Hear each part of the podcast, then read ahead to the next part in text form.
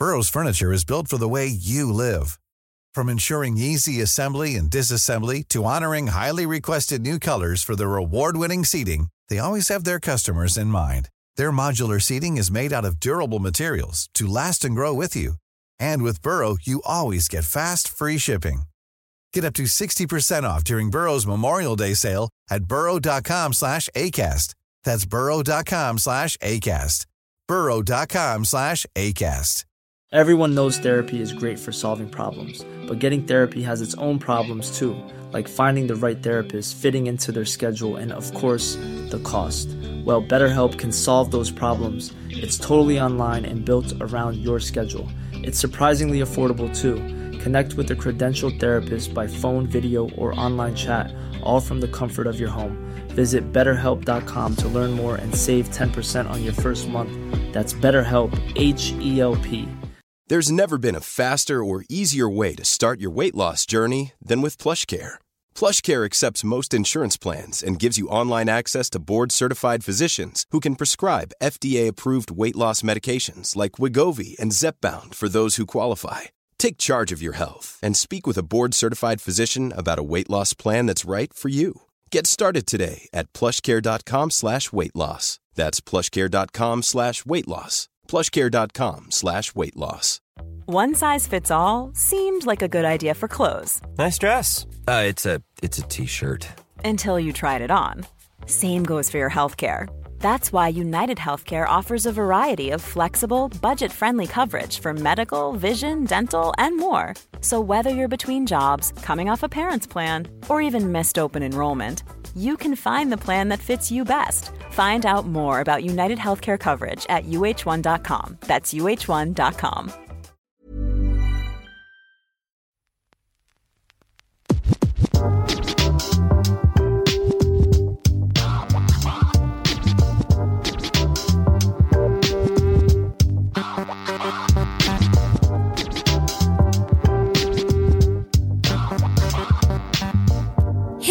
och varmt välkomna till podden Inte din morsa som i sedvanlig ordning, kan man säga så nu? För det här är Absolut. baske mig femte året i rad tror jag. Som Det är vi gör så här. tradition. Det är traditioner. Vi kommer att omvandlas till att bli jä- Djävulspodden just det här avsnittet. Honjävlar. Honjävlar av det enkla skälet att vår grundproblematik som vi har levt med ända sedan vi var små är medberoendets bojor och, och att vi båda är vuxna barn. Vi har ju gjort både liksom se, det kanske är en massa nytillkomna lyssnare som inte har någon koll på det här men jag och Ann, vi blev kända för svenska folket när vi gjorde Djävulsdansen och det är faktiskt snart tio år sedan. Nästa år är, har den, eh, fyller den tio år. Vi blev kända som duo. Ja, den handlade ju helt enkelt kort och gott om att vi träffade andra anhöriga som berättade om sina liv och sina erfarenheter av att leva tillsammans med någon med ett beroende. Sen följde vi upp och gjorde Djävulsdansen 2. Det är den ens det? Ja, den ja, hette den det. hette det. Och den handlade om att vara anhörig till någon med psykisk eh, ohälsa eller psykiatriska diagnoser. Och ja, det var så vår vänskap också inleddes. Att vi båda två var i någon slags så här eh, kulmen av vårt medberoende och mådde riktigt jävla pissdåligt. Och det är ju nu. Nu sitter vi här 13 år senare och det är en grej som jag tänker på först och främst. Att jag har fått höra hela mitt liv att medberoende är precis som alla beroenden. Det är kroniska tillstånd, sjukdomar. Alltså det är eh, defekter som vi kommer bära med oss hela livet. Och att man måste arbeta med det här varje dag för att inte glida tillbaka i medberoende beteenden som är skadliga för oss som i slutändan kommer göra oss eh, sjuka. I alla tolvstegsprogram så pratar man ju om tillfrisknandet som en färskvara. Att det är viktigt liksom att hålla sina tillfrisknande rutiner. Man pratar om tillfrisknande som, ja men att man liksom aldrig får bli eh, eh, Trygg. Ja, men, nej, men man får liksom aldrig bli så här stolt, proud. Typ Nej. att man tror att så här, nej men nu har jag fattat grejen. Det är ingen fel på mig. Jag kan skippa mina möten och jag kan skita i det här. Högmodet. Högmod. Tack, det är ordet jag söker. Att det är livsfarligt när man börjar känna så. Jag är alltså den första att skriva under på att under de här 13 åren så har jag i perioder verkligen levt i högmod och tänkt att så här, nu är jag klar, nu mår han jättebra, nu är allt toppen. Nu har jag gjort slut med min pappa, nu är allt toppen. Nu har jag löst det, nu har jag fixat mitt medberoende. Nu har jag total koll. Nu jag Nu är total allt- koll. allt är toppen. Och så fort man börjar tänka Jag så, vet. Jag vet. bam så bara trillar man dit igen. Och då är det så otroligt jävla viktigt att tänk, alltså att inte fortsätta vara i den där, i det där högmodet och den där stoltheten utan att bara återgå till första steget, erkänna shit jag är i medberoende nu, två, be om hjälp. Och för att det händer alla. Alltså vi är också så fostrade in i perfektionstanken och prestationstanken att just vi ska vara perfekta och förväntningar på oss själva. Att så här, våra föräldrar de är psykon men vi minsann, vi, vi ska se till att det, det blir bra folk av oss. Så att när vi misslyckas och, och ramlar ner, du sa här precis innan vi började podda, har du svårt att säga förlåt? Ja. Ja, jag har så svårt att säga förlåt. Därför att jag lever, precis som många andra medberoenden, i tron om att alltså jag, hela mitt liv handlar om att akta mig för att göra fel. Fattar. Akta mig, och det här är ju två sidor av samma mynt hos den som är medberoende beroende. Att man liksom ofta utvecklar antingen den här äh, rädslan för att göra fel, att kroniskt gå runt och akta sig för saker, att inte liksom eh, göra någon annan sårad eller ledsen eller illa, eh, att vara moraliskt korrekt, att liksom inte hamna i situationer där det finns någon som kan ta illa upp och så vidare. Så därför när jag då blir ja, på ett eller annat sätt konfronterad med att jag har sårat någon eller gjort någon illa så kan jag liksom bara inte förstå det. Jag som ägnar hela mitt liv åt att, att se till att det här inte ska hända. liksom kontrollbehov deluxe. Medan du då som har tillsammans med din ADHD och det pratade vi om igår att så här, just i den här djävulspodden så tänker jag att vi kan försöka ägna oss åt två teman. Dels att vara medberoende och ha ADHD. För det är någonting som har tillkommit i ditt liv under de här senaste 13 åren. Och jag skulle så gärna vilja fördjupa mig bara för att jag har lyssnat på en podd som handlade om det och jag bara kände så här, fy fan, det här är typ det viktigaste av allt, det är kärnan i medberoendet. Förväntningar. För det är också det som händer så jävla mycket inför jul, alltså vad, vad förväntningar gör med oss och hur mycket de faktiskt kan sabotera för oss och Om någon har missat det så dammar vi alltså av den vid... eh, vid Väl större- valda tillfällen. Precis. Högtidernas helveten.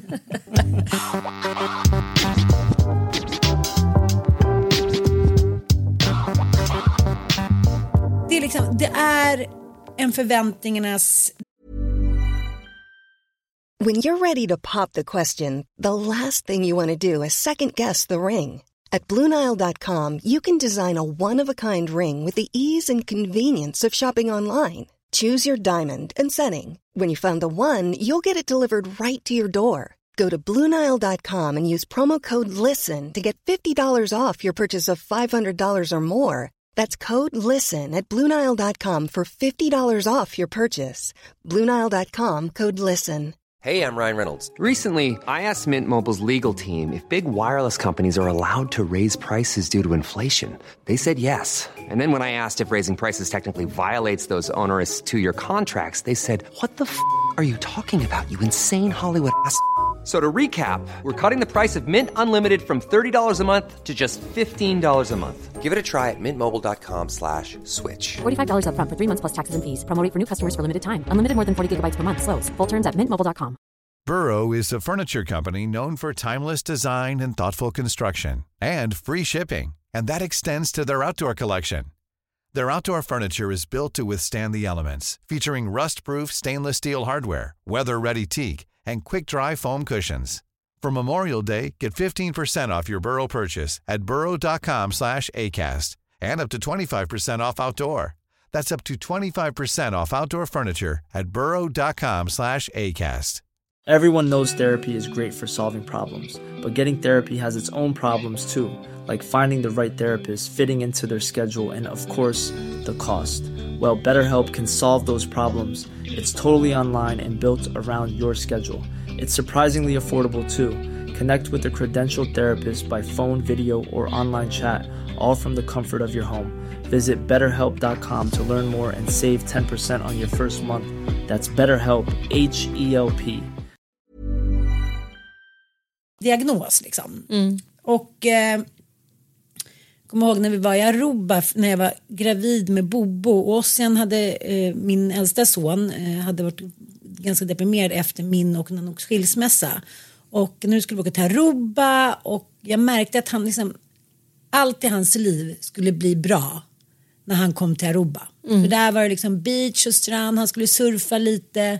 Han hade sådana förväntningar och jag försökte liksom du vet, Dämpa dem. dämpa det här. Så det kommer bli jättebra. Och sen, men det kanske inte alls är så paradisiskt som, som vi tror. Och, eh, det kanske inte går att surfa så mycket. Och så här. Och det hade inte spelat någon roll om det här var liksom Guds paradisö med änglar som sjöng och läsk och godis. De förväntningarna hade byggt upp kunde aldrig vara i paritet till liksom verkligheten. Och det var så hård smäll för honom att han kom inte till den här paradisön och helt plötsligt var förtrollande lycklig igen utan han mådde exakt likadant fast med en annan kuliss. Det här tycker jag är så himla svårt och det, det är jag helt övertygad om att det verkligen är en ADHD-grej. För jag ser det väldigt tydligt hos människor som har just eh, liksom, diagnostiserat med ADHD att hur det än blir, även om det blir exakt som man har tänkt. Som till exempel när jag har fått födelsedagspresenter och julklappar. Jag har önskat mig. Fast älskling, jag tänker samtidigt så skickade du en ganska intressant eh, en, en professor som föreläste om ADHD så, så, så beskrev han liksom ADHDns mest karaktäristiska drag. Att man har väldigt svårt att förhålla sig till framtiden. Så man är bara nu. Liksom. Eh, så jag tänker att det där faktiskt, om, om vi nu ska försöka så här, reda i vad som är vad, ADHD eller medberoendet. Okej, okej, att- jag fattar, jag fattar. jag tänker snarare att det är ett klassiskt medberoendebeteende. Sen Okej, kan väl ja. det återfinnas hos massor med människor som inte har jättestarka drag av medberoende och ADHD också. Mm. Men förväntningar tror jag alla människor oavsett bakgrund och livssituation mår bra över att fundera över. För att det, förväntningar är också, alltså, det kallas i ett tolvstegsprogram för planerad harm. Det låter inte Eh, roligt. och men om man tänker sig, vi byter ut medberoende mot beroende. Där är man väldigt rädd för harm för att man dricker och drogar, knarkar, spelar, sexmissbrukar ofta med harm som trigger. Och harm det kan beskrivas som besvikelse, ilska, bitterhet, att man är liksom förbittrad över någonting. Och, Offer. Ja, offer och någon typ av anledning, saker emot mig, livet går emot mig, fuck nu måste jag själv trösta med min drog, mitt beteende och så vidare. Inget bra kommer ändå hända Nej. med hjälp av någon annan. Ja, och Jag att mig alla är emot mig. Alltså allt går emot mig. Och planerad harm, alltså för att kunna få känna harm då. Alltså det här är ju också den beroende, beroendehjärnans, så, den, den kidnappade delen som då börjar skapa situationer. Och att ha orimliga förväntningar då vet man att det kommer leda till planerad harm. Som till exempel orimlig förväntning då på hur, exakt hur ett hotell ska se ut. Och då kan man ju förklara sin ångest med att nej men jag mår dåligt för att det här hotellet var inte bra. Alltså man, Min far i ett nötskal. Hur många Ja. gånger har vi bytt hotell? och också den medberoende som gång på gång, julen är väl ett klassiskt exempel där man är så här, men hur kan hon hur kan hon bestämma sig för att fira jul med honom igen? Fast han var dyngrak förra julen eller inte ens kom julen innan, inte lyssnade på liksom, eh, gränssättningar och så vidare. Men även denna jul. Och då, men då är det liksom förväntningen på att så här, nu ska han väl klara det. Det måste han väl för fan klara en enda dag och shapea upp. Några jävla timmar. Mm. Och att man också förväntar sig av sig själv det orimliga i att man ska tycka att det är chill att fira jul med någon som man kanske känner sig jättebesviken, jättesorgsen över. Och att Jo, man ska men- kunna kontrollera den. Ja, det vi ska nog kunna ha en bra jul ändå. den största double cross någonsin. Håller jag Mm. koll där då? Som att inte begäret som är det starkaste man någonsin har varit med om. Som skapar liksom sådana energier så att man nästan slungas iväg. Att man själv då ska stå med hundra ungar och eh, fixa och trixa och då hålla koll på den andra. Som att den skulle bry sig när det där triggas igång. Ingenting alls. Att ha rimliga förväntningar å andra sidan det är ju någonting som alla människor behöver få kunna ha. Att man faktiskt förväntar sig att bli respektfullt bemött, att bli eh, schysst behandlad, att inte bli... Det här är samtidigt råd som du säger nu till alla som lyssnar ja, inför alltså, Ja, det blir jag tänker bara så här att alla människor som lyssnar ändå Alltså, rådet är ju att fundera över sina förväntningar. Har jag rimliga förväntningar på, på rätt person? Mm, Alltså en person som är sjuk. Kan jag verkligen förvänta i beroendesjukdom och kanske i ett ganska sent skede av beroendesjukdom. Då är det faktiskt inte rimligt att förvänta sig att den personen ska vara nykter på just julafton. Nej. Eller midsommar. Eller midsommar. Eller, därför att den är, hela högtiden är liksom full av triggers. Och det är inte rimligt att förvänta sig att han eller hon just precis när vi har förväntat oss det Ska lyckas. ska lyckas Den hålla enda sig. gången. Nej. Sen är det också att det- finns också många eh, liksom, löjliga skydd då. Då tycker jag vi bestämmer att du får bara dricka vin till maten. Eller då tar Mm. vi det till lunchen och sen kör vi. Jag är ledsen, så ingenting går som en säkerhet de här dagarna och kvällarna. Så att det enda man kan göra är så här, om man vill det ändå, vilket jag också tycker är en jobbig känsla som anhörig och medberoende, som jag sa till dig för någon, någon vecka sedan. Jag både vill och inte vill. Jag förstår att så här, det kloka valet är att säga nej och sätta gränser. Men då min känsla och min medmänsklighet, eh, icke dömande, Jesus, bla bla, bla säger så här, det här kommer gå. Och så vet jag så här, det är ett kamikazeprojekt, för det kan gå, men det kan också gå åt helvete. Då tänker jag ändå att man kan bena i förväntningarna. Alltså så här, Det är så många fler som liksom drabbas av det. det. Det är inte bara jag. Om det var jag och den här personen, och då, då kan väl jag gå eller liksom, inte vet jag, hitta på någonting annat. Jag är ändå en vuxen person. Jag kan ändå här, gå bort från den triggern. Det klarar jag idag. Men när man är så många, det är det som är svårt. Man är oftast flera under högtider. om man nu vill motivera sig själv till att ta tag i sin medberoende problematik så är i alla fall mitt främsta att motivera mig för min egen skull. Eh, det funkar inte för mig. För jag är som sagt en soptipsmänniska som har haft noll och inga förväntningar på Det- människor. Mm. Det, kan vi stanna där lite? Har du något svar på det? Eh, Du som har lyssnat på den här podden.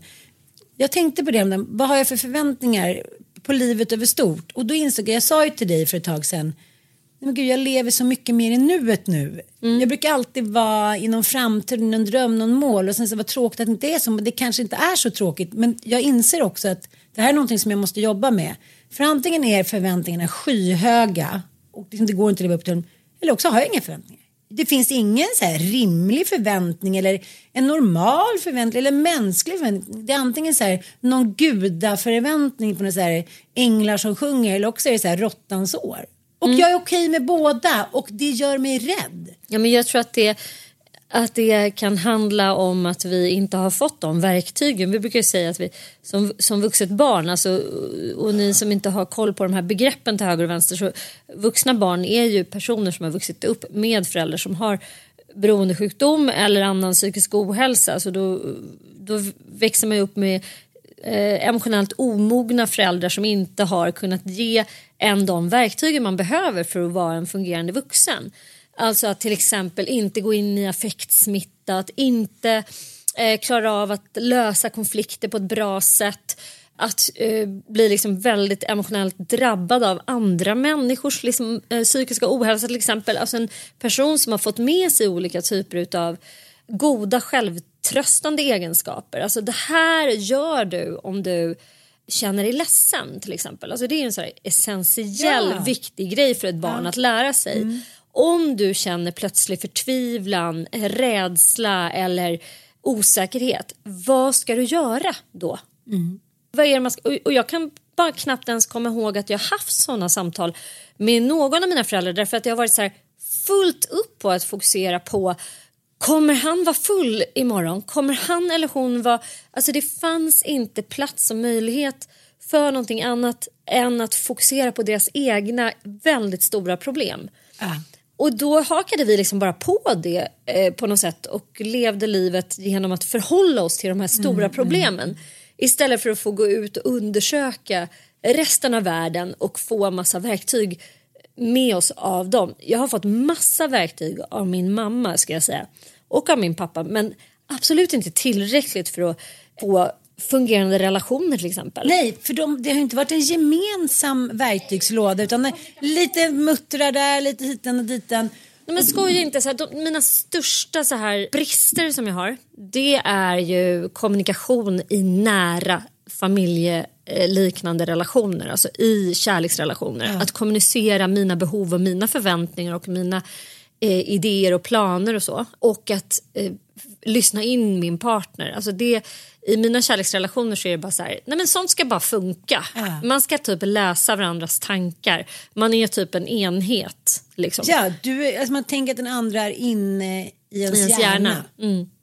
Vilket har skapat så jävla mycket problem i alla mina kärleksrelationer. Men sen den stora jävla eh, mörkret i mitt liv det är liksom oförmågan att hantera konflikter och då menar jag inte att lösa dem för det tycker jag att jag har blivit bättre på. För det vill jag ens gå in, du har varit en viktig del i det faktiskt. Eh, men också att eh, ens våga gå in i konflikt, alltså att undvika och att se till att man beter sig oklanderligt så att man inte hamnar i konflikt har ju varit en, stor del av strategin. Liksom att, eh, Vilket har- för mig har lett bara till det helt motsatta. Att det där då strutsbeteendet eller liksom hela önskan om att tillfredsställa alla har ju bara lett till helt tvärtom. Till konflikter, till dålig kommunikation, till att såra människor, till att tro att så här, ja men vadå, någon övertro på sig själv, lite som jag skickade till dig igår. Att så här, man har liksom under så många år intalat sig själv att saker och ting det, det löser sig, det är inte så stort problem och då menar jag det kan handla om stora problematiska grejer liksom, som påverkar ens liv för år framåt. Att jag kan, liksom, jag kan verkligen förtränga saker och förminska saker för att det är så här, nej men inte en sak till nu. Så då kör man vidare lite tills liksom den här snöbollseffekten är ett vulkanutbrott. Och man säga, men är du korkad, är du dum i huvudet, du, kan, du är ändå smart eh, på pappret och hur kan du vara så korkad hit och dit? Och jag inser också att det handlar såklart om en oförmåga att liksom, att när det gör ont eller blir något fel, att ta ansvaret direkt. För att det enda jag har sett är att när det nästan är för sent, då ska man börja rädda och släcka bränder. Och det är en kick för mig. Och det, inser, det är så här att man ska bo, liksom, eh, Dramaberoende. det- Ja, man ska detoxa då sin, liksom, ja, sin eviga kick av allting under en dag som blir lite knas. Eller i relationer eller liksom i sin familj. Och till slut så är det man bara liksom en stor eh, brandman som bara står och sprutar men liksom det är väldigt klent med vatten. Lite droppar här och där känns det som. Och det är ju jä- jäkligt tröttsamt. Går det att definiera vad en förväntning är? Mm, det kan man Ah. verkligen göra tycker jag.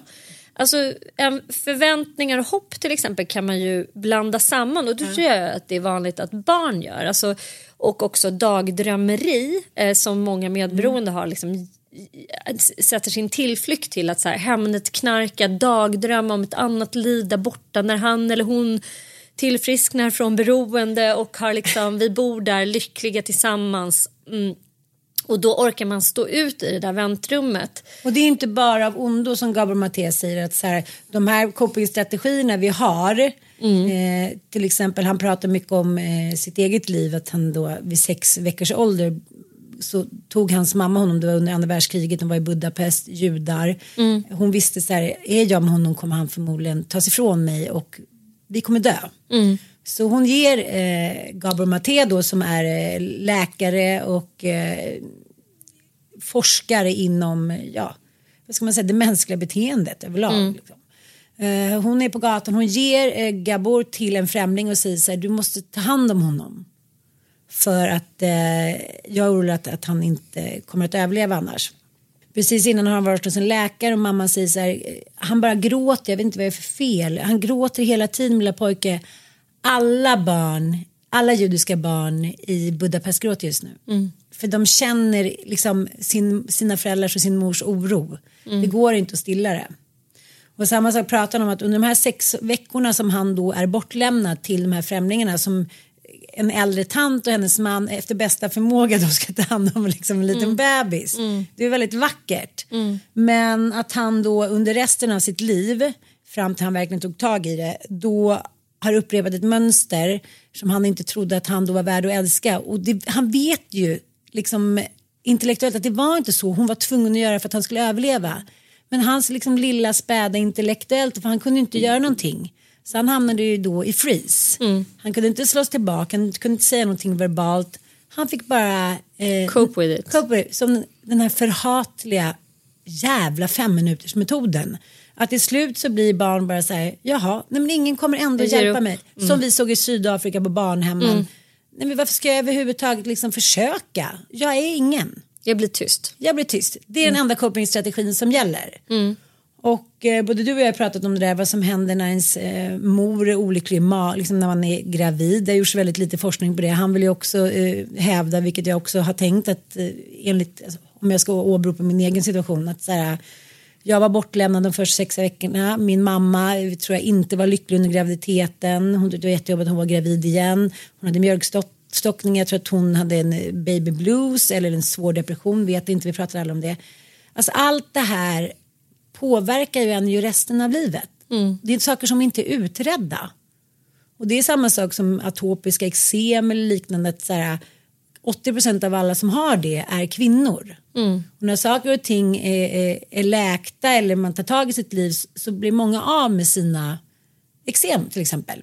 Att allting är ett uttryck för kroppens och själens liksom att, att inte bli sedd och förstådd och få de verktygen man behöver. Liksom. Så att hela tiden när man öppnar på det Vilket så för att det liksom konkretisera det skapar alltså, ett överflöd av stresshormoner. Precis, och, det är- en önskan att så här, nästa gång så kommer bara det där sker som du säger, då kommer allting bli bra Mm. och jag kommer bli lycklig, jag kommer inte känna den här tomheten eller övergivenheten i kroppen, då kommer jag vara trygg. Mm.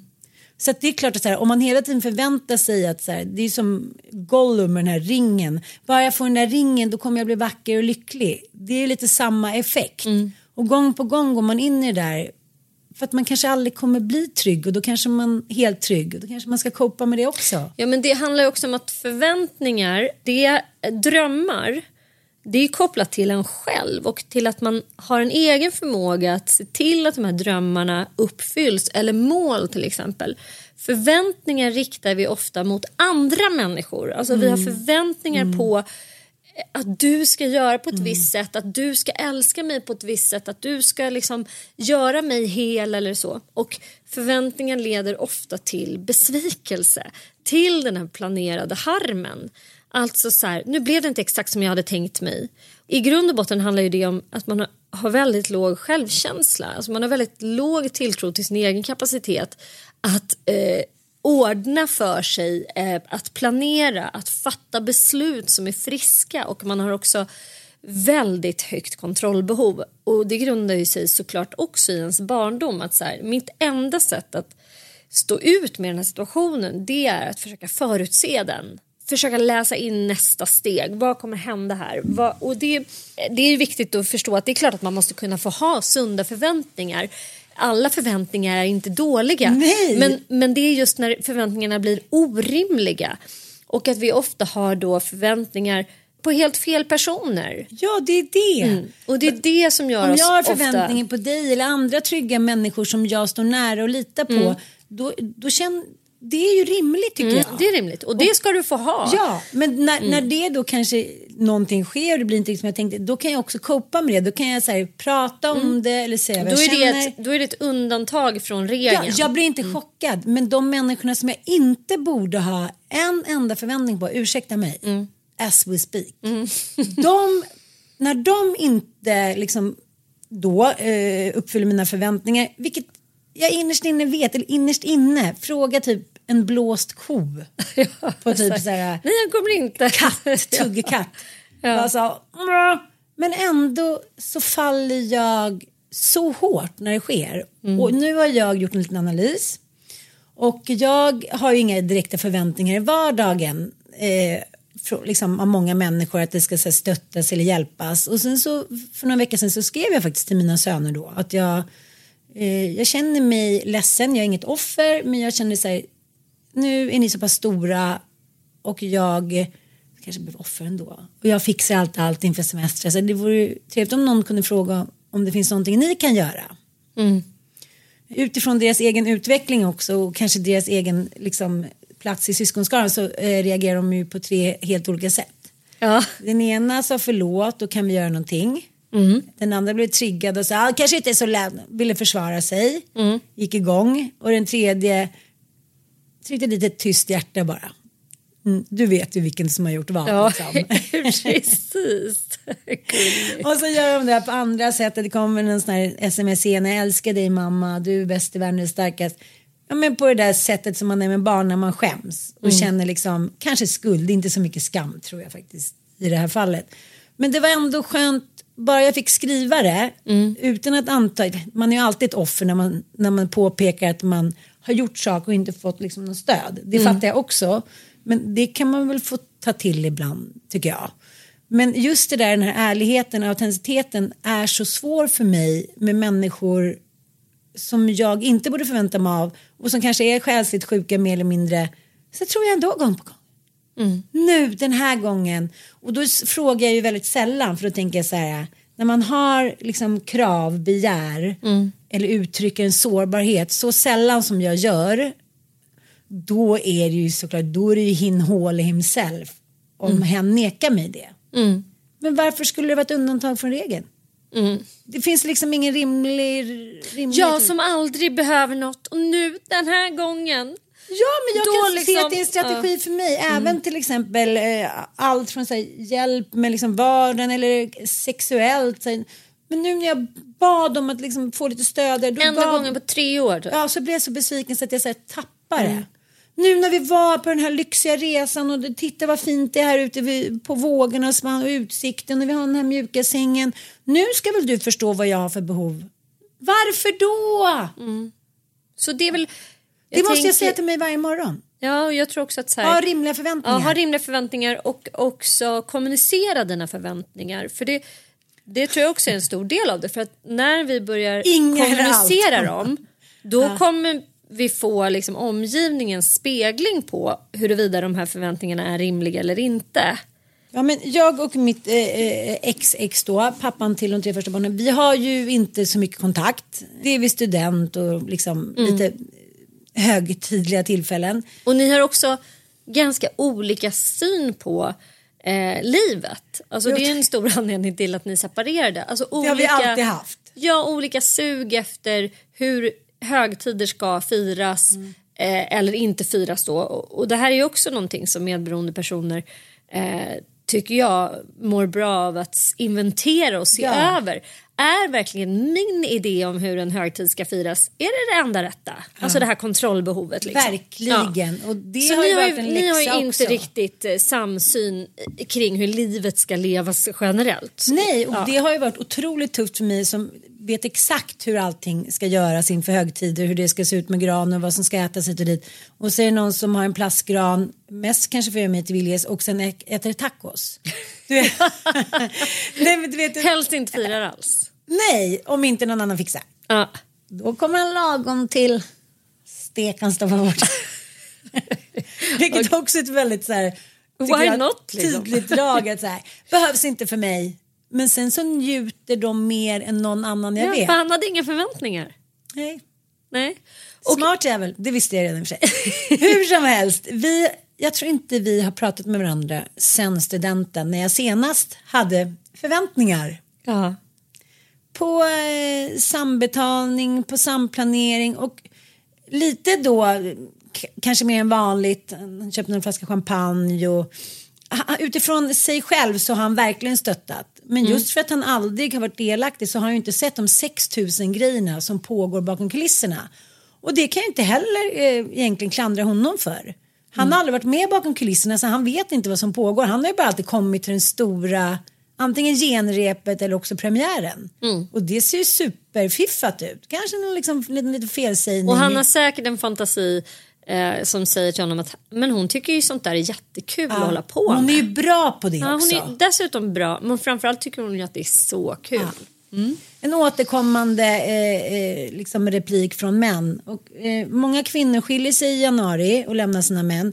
Så ett tips också om det är några män som lyssnar på det. Om ni vill var, fortsätta vara gifta tillsammans med era kvinnor även efter januari. Så eh, putsa lite på just den repliken att hon tycker att det är så kul och har så mycket energi för sånt fluff. Han har ju liksom aldrig velat vara behjälplig. Alltså det här har ju hänt gång på gång på gång. Ja. Och det är det jag menar är att ha fel förväntningar på fel person. om någon man gör någonting för mig, liksom, vad ska jag säga? Ja, det är klart att män har, gör saker för mig hela tiden och hjälper mig med ditten och datten.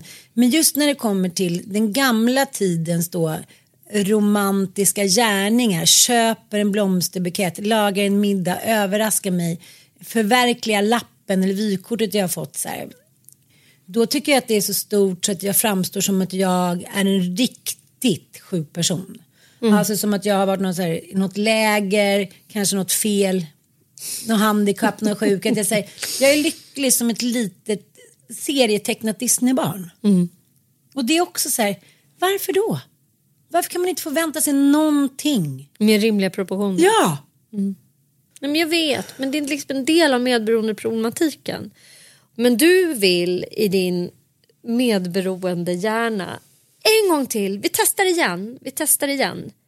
Det kanske går bra den här gången. Och det är det här falska hoppet, det är de här förväntningarna när vi ändå vet, vi har erfarenheter med oss. För det, det, det är liksom det som är, tänker jag, alla däggdjur lär sig genom erfarenheter. Eh, det är liksom så vi skapar evidens. Utom guldfiskarna ja, men nu har jag varit med om det här tio personer. gånger men då ska jag liksom inte, jag, jag firar inte jul med honom igen. Barn är också så, de lär sig ju.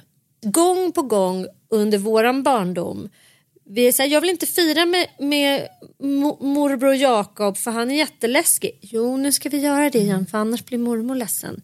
I år blir det bättre. Ja, det kommer bli bättre.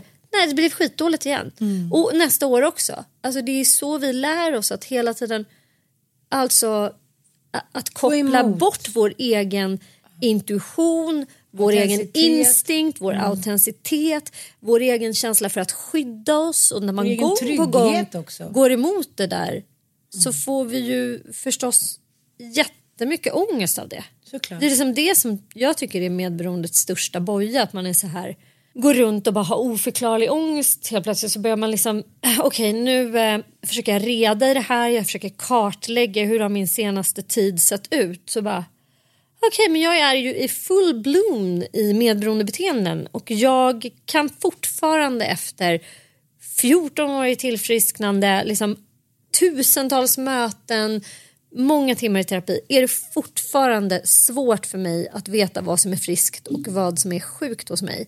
Vilka beteenden som är funktionella och vilka som är dysfunktionella.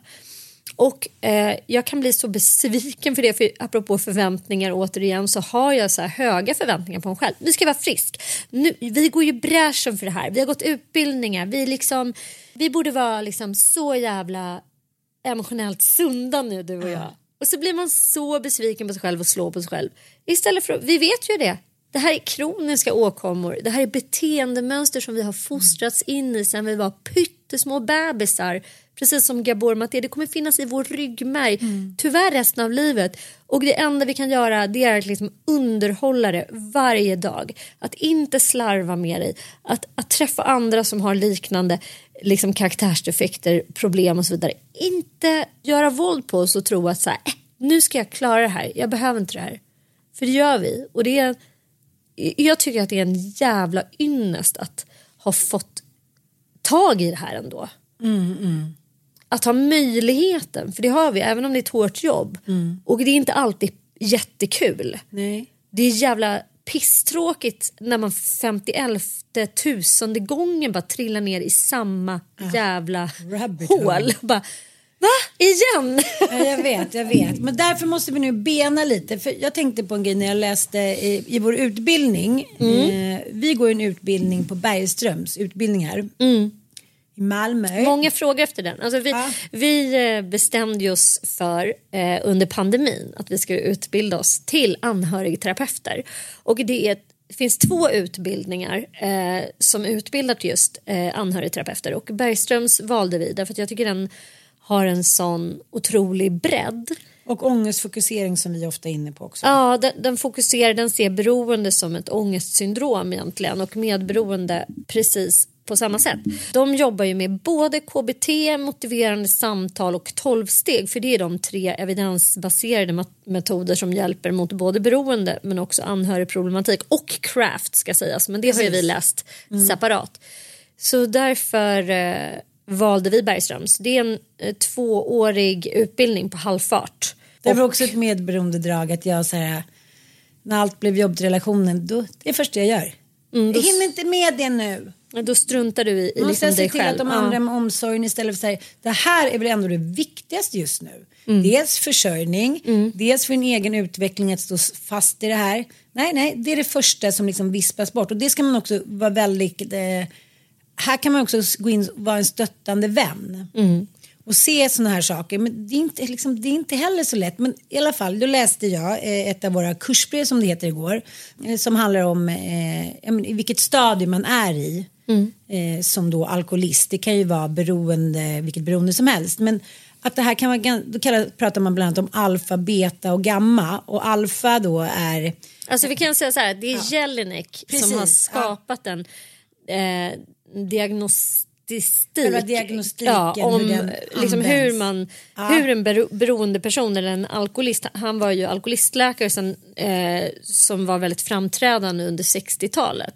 Och eh, han, skap, han kom bland annat fram till att det fanns fem olika typer av beroende. Och eh, det förklarar väldigt mycket varför vissa då är så kallade periodare Ja. och andra har ett lite mer så eh, sydeuropeiskt dryckesmönster. Det vill säga man har inga problem att sluta dricka men man har problem att avstå. Så man dricker liksom lite grann varje dag. Men man, man freakar inte ur man får inte lika så hårda konsekvenser som när du har motsatt problematik, det vill säga du har väldiga problem att sluta men inga problem att avstå. Så när du väl dricker då går det käpprätt åt helvete och du s- liksom vaknar i rännstenen och har minnesluckor och vet inte var du har varit och, och vem du knappt är och har så monumental ångest över allt som du har ställt till med. Och då är du nykter liksom på vita knogar i kanske till och med två månader tills nästa ras. Ja.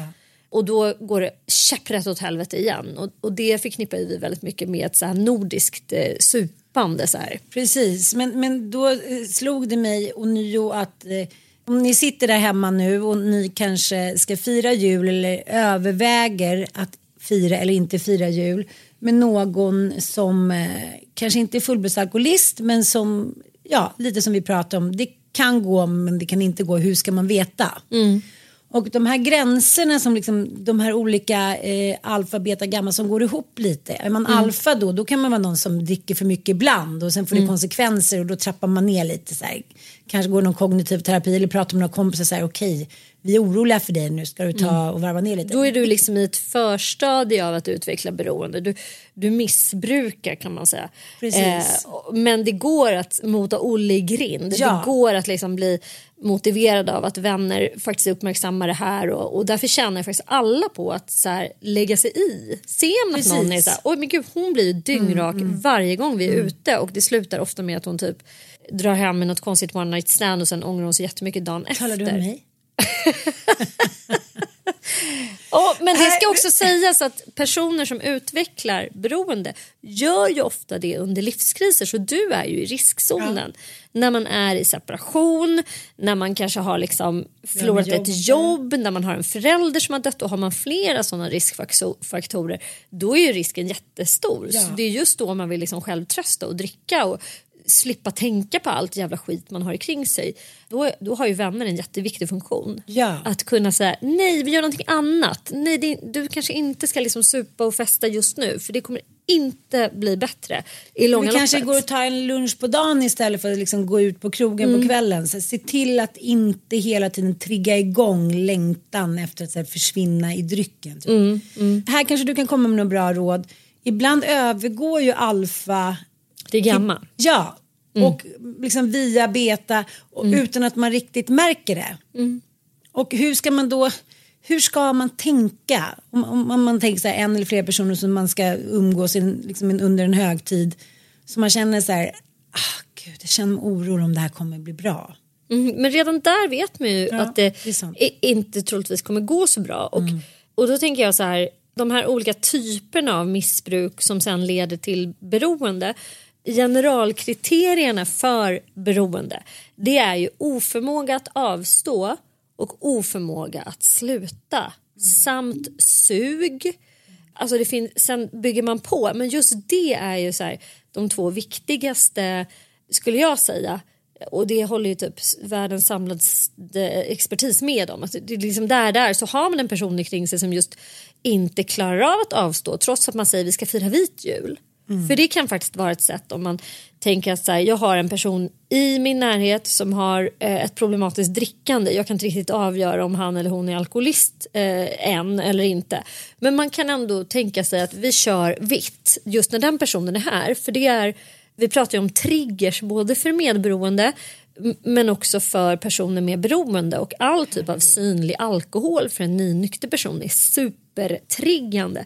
Så vill man underlätta och hjälpa någon i sitt tillfrisknande och eh, att lyckas med kanske sitt första nyktra år så är det ju baske med ingen snack om saken. Drick inte med den personen. Här har jag kan jag säga, ändrat mig. Förut har jag varit så här, jag tänker inte hålla på och göra avkall och det får väl den personen ansvara för själv. Men Om man inte klarar det ska Ja. man inte komma. men ju håller mer med. Mm. forskning som görs visar liksom hur jävla förstörd faktiskt hjärnans impulssystem är. I synnerhet det första nyktra året. Och upp till två år, alltså till och med upp till sju år tar det för hjärnan att bli återställd efter att ha utvecklat beroende. Just det första året är så skört. Så personer som själva har beroende, liksom, de de ombeds till exempel att här, ringa till hotellet och bara kan ni tömma mi, minibaren på sprit? Jag vill inte att det ska finnas på mitt hotellrum om jag kommer in där. Alltså att man väljer hotell där det inte finns bar till exempel. Alltså det finns ju massa så här liksom, faktorer som man kan, man kan se till att eh, hjälpa sig själv med. Jo men här har ju du redan en person som vill bli hjälpt. Jag tänker om eh, kusin Annika eller farfar Evert eller vad det nu handlar om. Det finns ju ingen garant för att även om vi har bestämt att det ska bli en vit jul. Eh, och man kan också linda in det lite om det är känsligt om en äldre person som känner så här jag, är, jaha, jag är, blir behandlad som ett barn, jag får inte själv bestämma, eh, till exempel min pappa. Så kan man ju säga då, men det här är hemma, i den här familjen har vi bestämt, eller hos oss har vi bestämt då att för barnens skull så har vi en vit jul. Ja. Och då får du komma eller inte. Men kom du ihåg när vi pratade med Kim Kärnfalk som var sångerska i Friends? Friends, ja. Hon sa ju till oss, hon var med i en intervju i Djävulsdansen tror jag. Ja, eller om det var någon radiointervju så sa hon så här. Eh, jag har kommit till liksom, eh, jag är trygg med att här, jag har blivit vän och återupptagit kontakten med min pappa. Så jag vill att han ska träffa sitt barnbarn. Men om vi kommer dit eller han kommer till oss och han har druckit. Då går vi därifrån. Eller så får han gå därifrån. Så det finns inget möte i det. Utan det är överenskommet att har vår, liksom, har vår, har vår överenskommelse brutits då finns det inget möte. Och den blir så mycket enklare för alla. För just det här, om, om man är inne redan i traditionen, julen, midsommar och så börjar någon dricka då krävs det väldigt mycket styrka för att mota den personen från middagen eller festen. Man Ja. känner skuld, men vad ska den ta vägen, du kanske blir ännu mer full. Det, det tror jag många har svårt att göra. För att återigen också koppla det till förväntningarna. För om jag tänker på min mamma som ju också hade jättemycket medberoendedrag och hela, alla kvinnor i, i min släkt hade ju det. Och min morfar var alkoholist. Han hade varit nykter i många, många år när min mamma föddes som sladdbarn och sen när hon var 12 då återföll han. Så mammas stora syskon, de Vet lev- man varför? Ja, han gick i konkurs med sitt bolag. Och innan dess så hade han ju varit nykter och svurit så här nykterhetslöfte i en nykterhetsloge i IOGT-NTO eller om det bara hette IOGT då. Och levde ju liksom som en beaktansvärd, eh, duktig samhällsmedborgare som inte drack en droppe och det var svag dricka och det ena med det tredje. Och sen återföll han. Och då fanns det ju liksom, apropå den här monumentala besvikelsen som min mormor, alltså hon gick in i en depression. Hennes liv var ju förstört för att han hade börjat dricka igen. Det är klart att hon inte hade någon kunskap, hon fick inte någon utbildning i hur beroende funkar. Hur kan De han göra så här hur kan han göra så mig mot igen? mig? Mitt liv är förstört. Eh, och min mamma växte ju upp då med att det är morf, alltså hennes pappa då som förstörde deras liv på riktigt. Och eh, lite grann det kan jag väl säga att min mamma bar med sig som mönster. Så att när min pappa då drack och var full och försvann. Han var inte utåtagerande på något våldsamt sätt men hans, eh, vad ska man säga, det, det främsta kännetecknet för hans liksom rumlande och, och, rumlande och dumlande det var ju att han drog iväg, att han inte var hemma överhuvudtaget. Han var ute och festade. Det, och ma- jag minns det som barn. Att det var, inte hans, det var inte också. hans frånvaro som gjorde mest ont. Det var mammas monumentala besvikelse. Det har jag gått igenom i PTSD-terapi. Att hon liksom kunde ligga och skrika på vardagsrumsgolvet i så här stora hysteriska utbrott för att han minsann tog en taxi in till stan. Ville hon följa med då? Nej, hon sig- kände sig övergiven. Ja. Och jag tänkte liksom att så här, ja det är klart att hon gör det, dumma han som drar iväg. Men hon kunde då liksom ligga och skrika på vardagsrumsgolvet, sitta och så här klösa på fönsterrutorna med naglarna så här. Framför er. Ja, och sen ringa hysteriskt till olika människor, inklusive Café Opera. Så här, bara, jag minns henne sitta så här med en medberoendes galna kontrollbehov och ringa runt. På den tiden fanns det inte mobiltelefoner. Och sen själv eh, röka 25 röda Marlboro och själv Dricka vin. dricka vin och ringa till väninnor och så prata så, svart. mycket skit om honom. Vad gjorde mest ont? Det var hon som var där hemma. Det var hon som var helt oförmögen att förmedla. Oj, han är sjuk, han har dragit iväg igen, han mår inte bra. Vi mår bra, vi är här, vi är trygga. Och att en gång bli sådär besviken, det är en sak. Men den upprepade förväntningen Att varje fredag så kommer det gå bra den här fredagen. När han kommer hem och efter jobbet och har med sig en flaska vin och de delar på den. Nej, varje fredag drog han iväg till Café Opera och hon låg som ett galet vrak. Jag ska inte säga, alltså jag upplever det ju naturligtvis Jag fattar, jag fattar. utifrån ett barns perspektiv. Det här är liksom ett av mina så här PTSD-minnen. Ja, att liksom stå med den här, eh, alltså så här förtvivlade mamman som var så här bortom tröst, bortom räddning att stå bredvid och vara så här. Det går inte att trösta den här personen. Stackars går inte att göra någonting så här. Ja, men det liksom så här. Känner du igen dig i random medberoende kvinnor du har kring dig? Man har rätt att kunna förvänta sig att ingen ska dra in till Café Opera. Men Det sker lösningen 99 är ju inte av 100. att försöka tvinga en sjuk person att tillfriskna. Det är ju faktiskt att lämna den personen och säga så här, hej jag måste leva ett liv där jag kan förvänta mig att min partner Mm. vill stanna hos mig. Så att vi kan inte leva tillsammans. Vem var det som lämnade ve- vem i mammas och pappas relation? Det var räka. pappa som lämnade min mamma. Hon, liksom, och det är en medberoendes också sista hopp, att man sitter kvar. Nej, men det sista som lämnar en Ja, är den och där. då blir liksom den dubbla Falska hoppet. falska hoppet det dubbla svarta hålet Mm. att kräla upp ur. För har man krälat upp ur det ena, jag blev övergiven trots Mm. att jag var då den goda samariten. Alltså det är svårt. Mm. Det är liksom, då ska man vara jävligt liksom, Nej, men det behöver man väldigt mycket hjälp för att klara av. Och det är ju också djävulsdansens, eh, ja men skulle jag säga, stora... Så här, nej, men det, jag tänker också att det är så jävla mörkt att när man mår som allra sämst så har man ju allra sämst möjlighet att göra förändringar. Den dansen är så nedbrytande. Så till slut när den som har ett beroende av en substans är på sin botten alla Jelinek så är den medberoende på sin botten. Så båda två har ju precis lika svårt att bryta sina mönster och sina strategier och copingstrategier som Gabor kallar det för. För det ska man ju veta att beroende, det menar ju i alla fall Gabor Maté, är en copingstrategi. Medberoende är också en copingstrategi. Att leva i falskt hopp, i förväntningar, i idéer om saker som inte existerar, i dagdrömmar, att försöka kontrollera en verklighet som för ingen människa går att kontrollera. Men det är också de, jag tänker på dina eh, gemensamma triggers. Att så här, jag märkte det för ett tag sedan när jag skrev ett sms till dig eh, som du tolkade helt fel.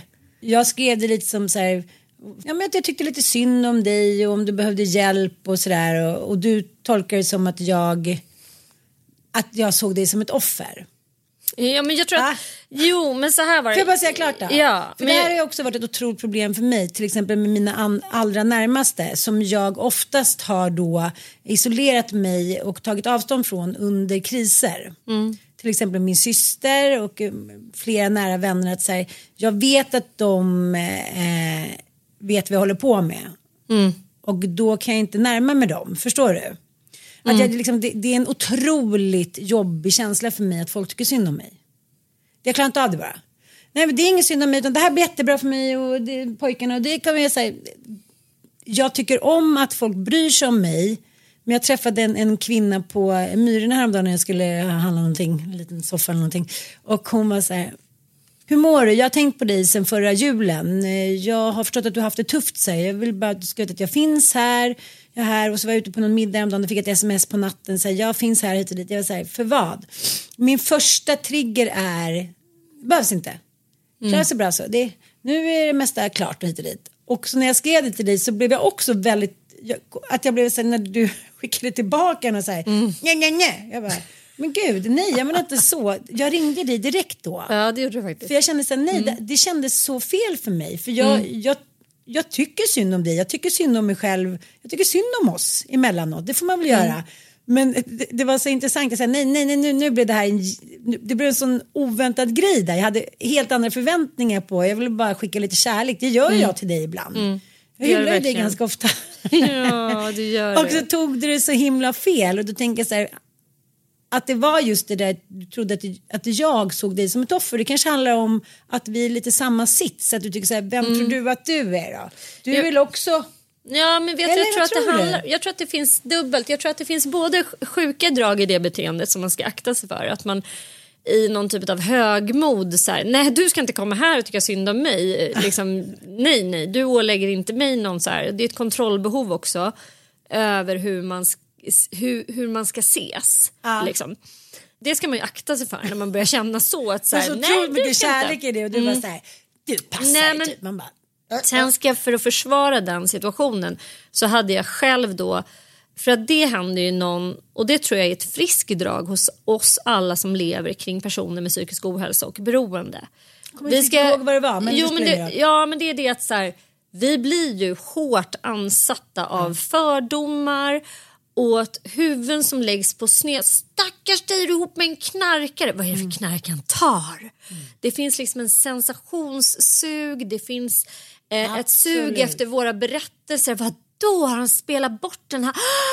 Åh, så här. Men Det finns liksom ett snaskande hos människor som vi också har lärt oss att så här, ja, vi kan dela de här historierna så kan vi få väldigt mycket uppmärksamhet och vi kan få väldigt mycket, visserligen falskt stöd men sen kommer, vi, stöd. sen kommer vi ändå bli så hårt dömda. Alltså i min föreläsning om skam som jag höll på eh, Nationellt kunskapscentrum eh, för anhörigstöd. Där läste jag en brittisk studie som visar kan man att där, köpa så kan man gå in? Nej, man kan gå in den helt gratis. Ja, men Ja. var på nationellt kunskapsstöd? Ja, jag, jag, kan göra, jag kan länka till den på vår Ja. Instagram. Inte din också- morsas Instagram. Jo, men där visar en, en stor studie att liksom, eh, när man pratar om anhöriga till personer med beroende och psykisk ohälsa anser en stor del av allmänheten att de anhöriga är orsaken till personer som har ett beroende. alltså, jag vet, men det finns liksom så jävla mycket fördomar, förlegade attityder, moralistiska attityder. Det är precis det eh, båda, alltså våra föreläsningar handlar ju jättemycket om det. Att så här, försöka ha ihjäl alla de här myterna och, och de här fördomarna och den här moralismen som existerar. För det hjälper verkligen ingen. Jag är ganska, eh, har blivit det under mina 15 år som liksom anhörig och medberoende så jävla mycket mer försiktig med vilka jag pratar om min hemsituation med och min, min familjs sjukdom. Alltså jag pratar inte med människor som inte har kunskap om det här. Därför att det är som att be om drama, eh, liksom negativ energi, massor med dubbla budskap, att bli, få hela sin eh, sinnesro helt jävla även det där förstörd. gotta sig i att man Gotta själv är så mycket mer ja. perfekt. Ja, gud. Så. Det råder jag er allihopa, ni som lever med en alkoholist, narkoman eller personer med psykisk ohälsa. Välj era sammanhang. Lösningen är aldrig att sitta ensam på kammaren.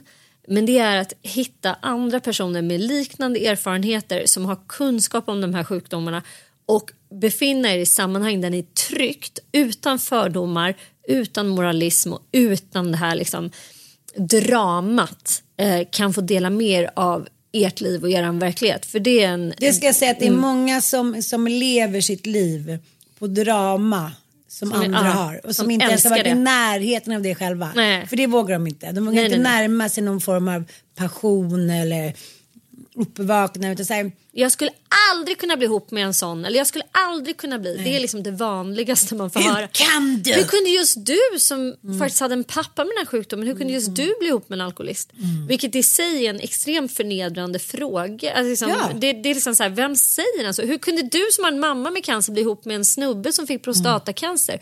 För det är sjukdomar båda två. Och vi skulle liksom vi skulle aldrig uttrycka oss så när det gäller somatisk sjukdom.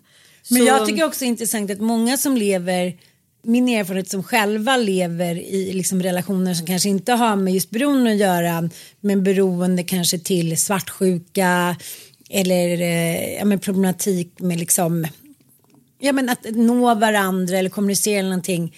De kan gärna åberopa sin egen mans eh, goda egenskaper som de själva har snackat skit om i åratal. Men sen när man själv är i kris då är det så här, det tyckte han också, det sa han. Man bara, nej men gud, du vet, då blir jag Helt bara så plötsligt här. blev han en så här reliable. reliable. Jag blir- blir han liksom superman. Så att, så här, ni måste vara medvetna om att så här, många tycker att det här är en sensation. Och särskilt då med dig som, som liksom också lever med en känd man bla bla, vi behöver inte ens klara det. Men, men det där är också en trigger att försöka så här, ställa sig själv lite utanför.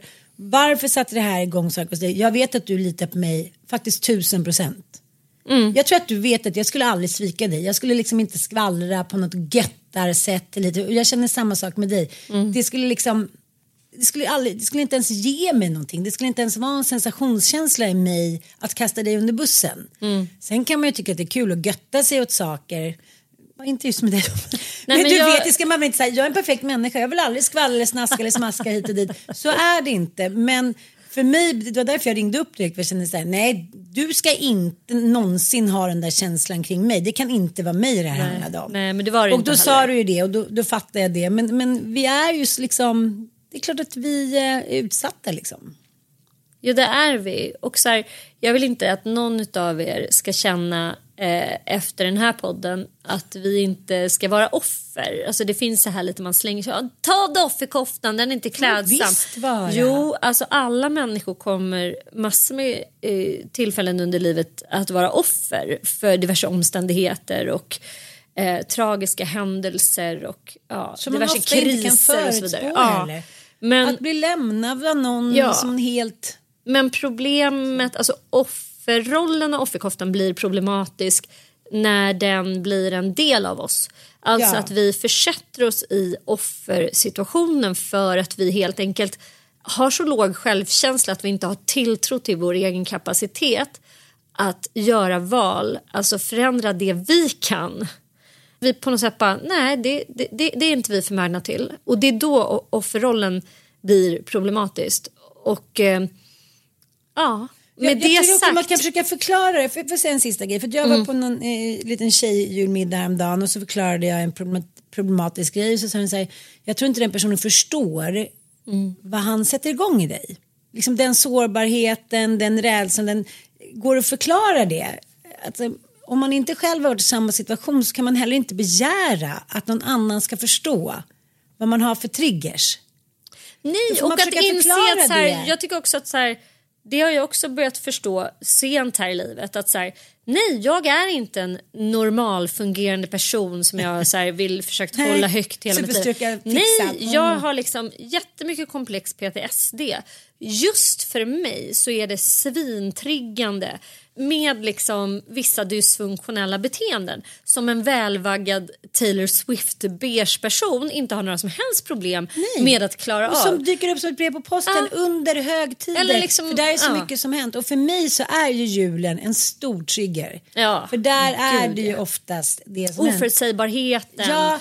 Återfallen, alltså det Mm. att jag totala blir ansvarig. besvikelsen. Ja, besvikelsen att så här, jag ska rädda det också. Det har ju varit min eviga roll. Att hur situationen än blir så ska jag liksom trots att jag har varit från fem år gammal. Det är klart att jag inte har räddat den men chimäraktigt kanske jag har räddat den genom mina Du har små... stått med din mammas besvikelse, jag har stått med min mammas besvikelse. Och jag tror att jag hade lite annan roll för att jag kände ju förakt för min mamma till slut. Ja. Jag var så här, din jävla loser, skilj Den dig. känslan verkar inte jag kunna ha. Nej, du var ju så här, in i det sista Stackars så har du mamma. Mm. liksom. Ja. Och där, och skulle med och rädda istället för så här. Det är också så svårt, det blir sån samsjuklighet. Min mamma var ju liksom döende i cancer och en liksom skenande galen alkoholist med missbruk och otrohet. Alltså det var ju liksom Norén framstod var du aldrig in, var, var, hade du några samtal med henne? Så, varför skiljer du inte med pappa? Varför gör du Ja, inte jag, liksom? ja, mitt förslag var att här kan inte han få bete sig. Men det är ungefär att säga liksom, till någon som ursäkta men så sitter i ett fångläger så här, nej nu ska du begära lite bättre mat alltså. Mm. Tycker den där kålsoppan, be om lite stora köttbitar. Det är liksom, jag kände så här, den lilla värdigheten hon hade kvar. Var det när hon var sjuk i Ja. slutet av sitt liv? Ja, jag förstår. att Precis. Det kanske inte var läge just då. Nej, jag tycker inte det. Utan om det var hennes val att hon hellre då ville vara med pappa trots att han betedde sig så här. Så fick väl jag försöka finnas där som stöd. Men egentligen när jag ser på det efteråt så är det ju en helt omänsklig roll att ta. En är liksom dödssjuk och den andra Är i fritt fall. Ja. I sitt beroende. och däremellan ska man försöka normalisera jular, påskar, vardagar. Hur många år var hon sjuk innan hon dog? Fyra. Det är ändå rätt många år. Alltså. Hon blev friskförklarad också eh, under en period. Och hon var ju som den sega småländskan hon var. Så här. Jag har aldrig trott att hon har levt så länge på hospice som hon gjorde. Så det var liksom utdraget och det vet man ju själv när man är sjuk. Man märker ju inte hur sjuk man är vare sig man ligger någon frossa i feber så innan säger men gud jag har verkligen varit sjuk. Nära döden typ. Ja, men du fattar. Så det, det, det är svårt. Men jag fick en sån aha-upplevelse Sanna. Du vet att vi ofta, eller ofta, några gånger har tagit upp att jag, var, att jag sa så här. Jag fattar inte hur mamma liksom, att hon inte tyckte att det var så ovärdigt. För att pappa ville att mamma skulle natta honom. Eh, under middagar så här. Då var han liksom så packad vid elva ungefär att så här, nej men då var det klart. Och det gjorde hon så gärna. Hon skulle ligga sked och natta. Han däckade väl ganska snart. Och, var, och sen kom hon ut som ingenting hade hänt. Nu sover pappa, alltså nu sover vår jättebebis. Och alla blev lättade. Nu kan vi ha det trevligt. Nu slipper liksom, nu har flodhästen i vardagsrummet nattats. Jag menar, du vet, det är så absurt vad man normaliserar. Men nu när jag ser tillbaka på vårt liv så inser jag att det där var en trygghet för henne. Till skillnad mot din mamma. Nej, för Han pappa var aldrig. Nej. Innan liksom under åren så har han försvunnit iväg. Det har varit hiten och diten och det har varit grannen och fram och tillbaka och in och låsa in sig med polarna och du vet grabbarna på Expressen. Han har varit liksom någon annanstans. Och hon har inte haft någon kontroll över det, precis som din mamma. Det här kanske inte var helt ovanligt då att männen söp jävligt mycket. Det var liksom den glada spritkulturens era. Det var inte så att man tog ett glas vin utan gubbarna, liksom, papporna söp ner sig tills de liksom var dyngraka många gånger. Fast vet du, när Lasse Ögren, när jag, när jag sa sånt till honom, våran kära Lasse, terapeuten. Jag bara, men så var de. Han, då säger han så här, nej sådana så var de inte. Nej. Alltså det är inte Våra alls, alltså våra pappor Och deras kompisar. deras kompisar. Ja, men det hörde absolut inte till liksom normaliteten. Det fanns ju jättestor till exempel utbredd nykterhetsrörelse i Sverige. Guldfisken bara. Ja. Så var det. Så var det. Ja, men det är också ett skydd att normalisera och det var inte så farligt och det är ett sätt att hålla fasad. Och du har säkert fått höra det av din mamma tusen gånger. Nej men han är inte värre än någon annan och det är ingen fara för att liksom lite grann lappa över. Eh, det är ju mönster av förnekelse. Ja. Som är jättevanliga hos alla som Det har var hennes medberoende också. copingstrategi. Ja. Att den där liksom mannen som hon någonstans älskade ändå eh, Det var nog inte så farligt trots allt. Nej, och nu, Mm. nu, nu har vi liksom, nu är eliminerat problemet. Ja, nu är saker och ting under Nu kan vi ha kontroll. trevligt och ta fram en flaska vin till. Nu behöver vi liksom inte oroa oss för nu kommer han ligga däckad till morgon bitti. Och då kommer han ha ångest, då kommer det liksom ske Mm. Då då blir det gottgörelse. Ja. Så, att så här, man måste också se de mönstren. Någon beter sig på ett visst sätt, man spelar med, möjliggör. Den andra gottgör, man känner sig älskad. Och sen bara pågår det här. Försök att se dina egna mönster inför jul och eh, jag känner också samma där att i år kanske det blir på ett visst sätt. Nästa år kanske du är starkare, då blir det på ett annat sätt. Man behöver inte vara så dömande utan det viktigaste är som vi har pratat om innan att ha en plan B. Att skydda barnen och att liksom inte göra våld på sig själv och se är det värt det. Och är mina förväntningar, är mina förväntningar rimliga på just de här personerna som jag har valt att berika mitt liv eh, Här med? måste vi använda uttrycket som jag hatar när man kommer till ADHD. Så här, Backtracka nu då. Var har du telefonen? Man bara, nej men den kan vara på Mars. Ja, men, jag kan ha ätit upp den. Alltså, så jag vet inte, jag kan inte backtracka för det är bara som stora liksom, svarta mind gaps. Men här kan man ju faktiskt backtracka. Så här, Ja, hur var gick förra året, hur julen? var året innan?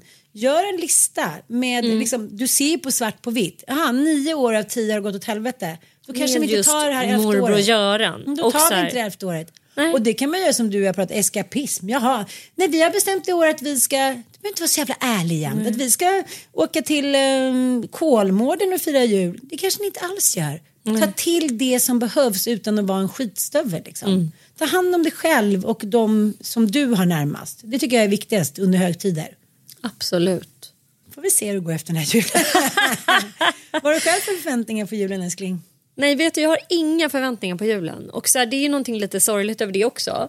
Att så här, jag har ju väldigt låg julkänsla. Men samtidigt, jag tror att jag har rimliga förväntningar på den här julen. Ja. Jag försöker också att eh, implementera det hos barnen.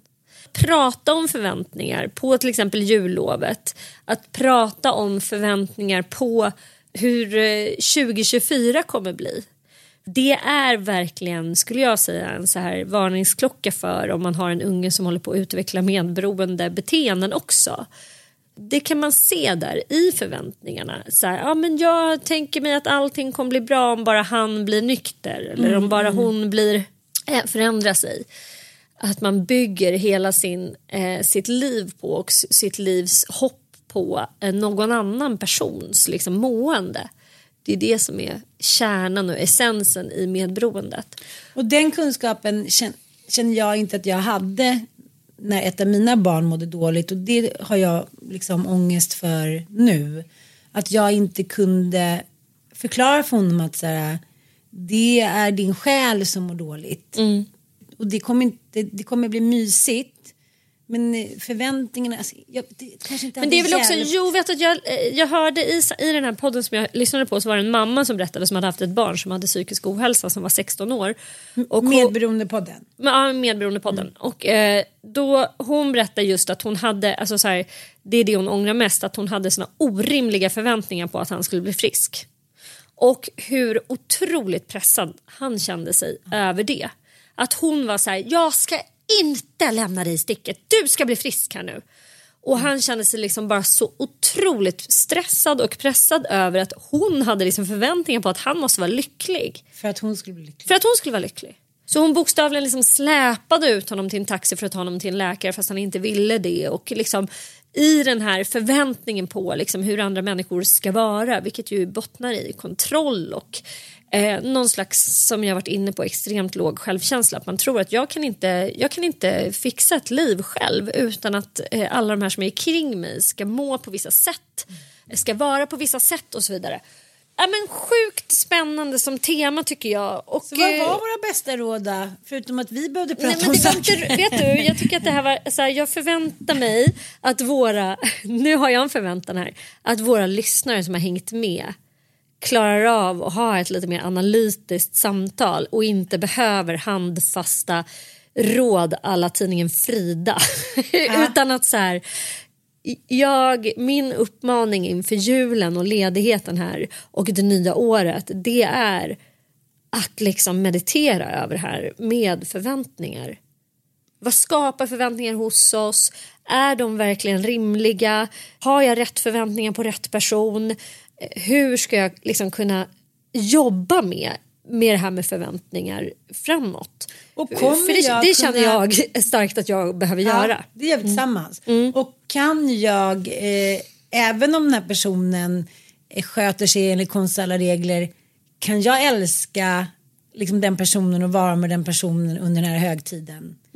För om du känner att du inte förmår det, då är det ju liksom, tycker jag, Jag tycker det bästa tipset jag någonsin har fått, ett handfast tips när det gäller personer som har beroendesjukdom som är aktiv. Snabbt in och snabbt ut. Ja. Att själv Snabb in-. Ja, nej men hosta inte festen och bjud in dem. Nej. Därför att det är jättejobbigt att slänga ut någon eller att liksom behöva gränsa någon inför andra människor. Speciellt någon som är full eller påtänd för det kommer liksom bädda för drama. Utan alltså så här, gör en liten turné. Har du stökiga personer som är aktiva i kring dig som du ändå vill träffa. Åk dit på en liksom, förmiddagsfika. Säg hej, lämna en julblomma och ge en kram i 20 minuter. Och sen åker du hem till ditt stabila firande i tillfrisknande som du har valt att bjuda in människor som lever i tillfrisknande till. Och när det gäller vuxna barn som har problem med alkohol och droger. Alltså för det stod jag faktiskt inför för förra eh, julen att jag hade en kvinna som sökte min hjälp just i det sammanhanget. Så här, ja, men våran son är narkoman. Han, eh, han tar kokain varje dag. Det är mycket troligt att han kommer dyka upp på julafton vid Kalle Anka och vara påtänd. Vad ska vi göra? Vad ska man göra? Vad tycker du? 21-årig son. Eller om, om man var 23. Jag skulle tycka att det var så, så svårt. Eh, men för att skydda mina andra barn och för att så här, visa att jag, eh, det var det vi hade kommit överens om och det var det som de trodde på. Annars har jag liksom svikit både honom, de andra barnen, mig själv. Jag fattar. Men jag måste bara säga så här, det är svårt. Men för att det ska kännas lättare då, vet du vad jag skulle vilja skicka med när man behöver gränsa en person på det sättet? Det är att säga så här, åh gud, fan jag ser att du inte mår bra. Inte säga du är full, du är påtänd, jag ser att du inte mår bra. Vet du, det är mycket bättre att vi ses imorgon. Kom tillbaka då så har vi firar vi annandagen tillsammans. När du mår bättre, när du inte är påtänd. Alltså att man skickar med någon liksom hopp om att så här, det är inte Vi det att vi inte dig. vill ha dig här. Utan vi älskar dig, vi vill att du kommer och gör det. Så fort du är nykter och drogfri så är dörren öppen. De gyllene tre reglerna. Ha inte förväntningar på fel personer. Eh, bestäm innan liksom vad du har Plan för B. plan A och B. Stå fast för det. Snabbt in, snabbt ut när Precis. det gäller personer som är aktiva. Och det som, eh, som många forskare säger att så här, den där känslan när man sätter liksom eh, en regel eller man står fast vid någonting som känns så helt vidrig just då. Det är helt vidrigt i ungefär en till tre minuter. Sen försvinner den känslan, den är mest påtagliga. Det klarar man. Om du måste gränsa någon, då gör du det med kärlek. Ja. God jul och gott nytt Ho, år. ho, ho. Och eh, ni är verkligen allihopa där ute värda att ha Er bästa jul. Hej då.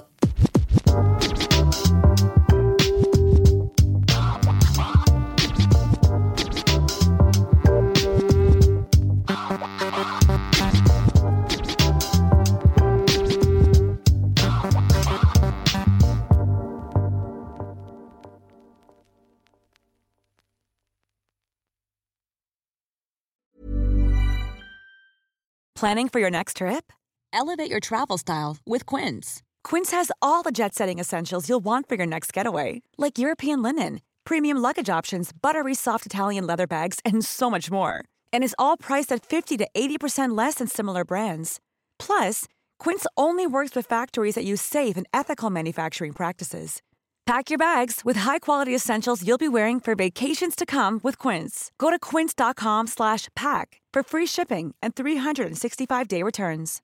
Imagine the softest sheets you've ever felt. Now imagine them getting even softer over time. That's what you'll feel with Bowl and Branch's organic cotton sheets. In a recent customer survey, 96% replied that Bowl and Branch sheets get softer with every wash. Start getting your best night's sleep in these sheets that get softer and softer for years to come. Try their sheets with a 30-night guarantee. Plus, get 15% off your first order at bowlandbranch.com. Code BUTTERY. Exclusions apply. See site for details.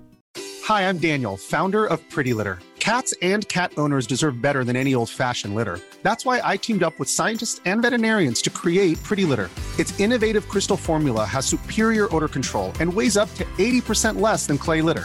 Pretty Litter even monitors health by changing colors to help detect early signs of potential illness. It's the world's smartest kitty litter. Go to prettylitter.com and use code ACAST for 20% off your first order and a free cat toy. Terms and conditions apply. See site for details.